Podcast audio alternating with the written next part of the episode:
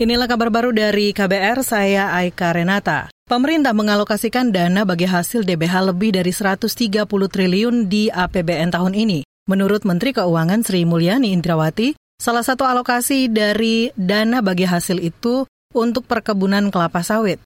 Hal itu disampaikan Sri Mulyani saat rapat kerja bersama Komisi Keuangan DPR RI hari ini.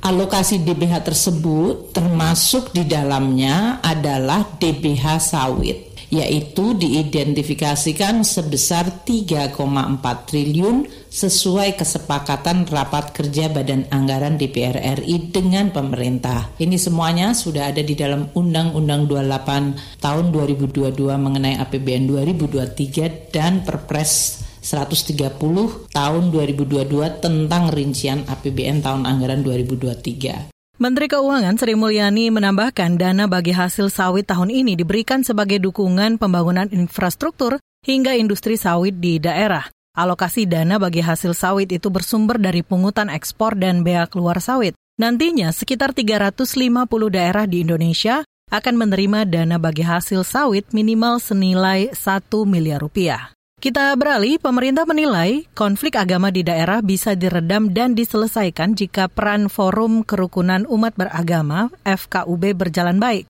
Apalagi menurut Menteri Dalam Negeri Tito Karnavian, permasalahan keagamaan sensitif keagamaan cukup bahaya apabila dibiarkan. Nah, ada FKUB, tapi FKUB-nya yang jalan biasanya potensi-potensi konflik keagamaan, masalah tempat ibadah dan lain-lain bisa diselesaikan.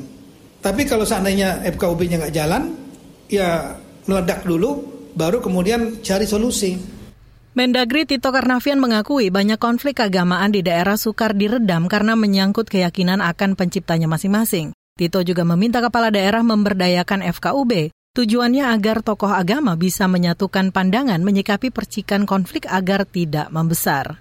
Kita ke satu informasi lainnya, Saudara. Stasiun BMKG Ranai di Kabupaten Natuna, Kepulauan Riau meminta masyarakat setempat mewaspadai potensi kebakaran lahan dan hutan pada 11 hingga 14 April mendatang. Mengutip antara Kepala Stasiun BMKG Ranai Natuna, Feriomek Sutagalung mengimbau seluruh warga untuk tidak melakukan aktivitas yang memicu terjadinya karhutla karena udara yang kering dan minimnya curah hujan. BMKG juga mengeluarkan peringatan dini gelombang tinggi 1,25 hingga 2,5 meter di Laut Natuna Utara, perairan Utara Anambas, perairan Barat Natuna, perairan Utara Natuna, dan perairan Kepulauan Subi Serasan. Demikian kabar baru dari KBR. Saya Aika Renata.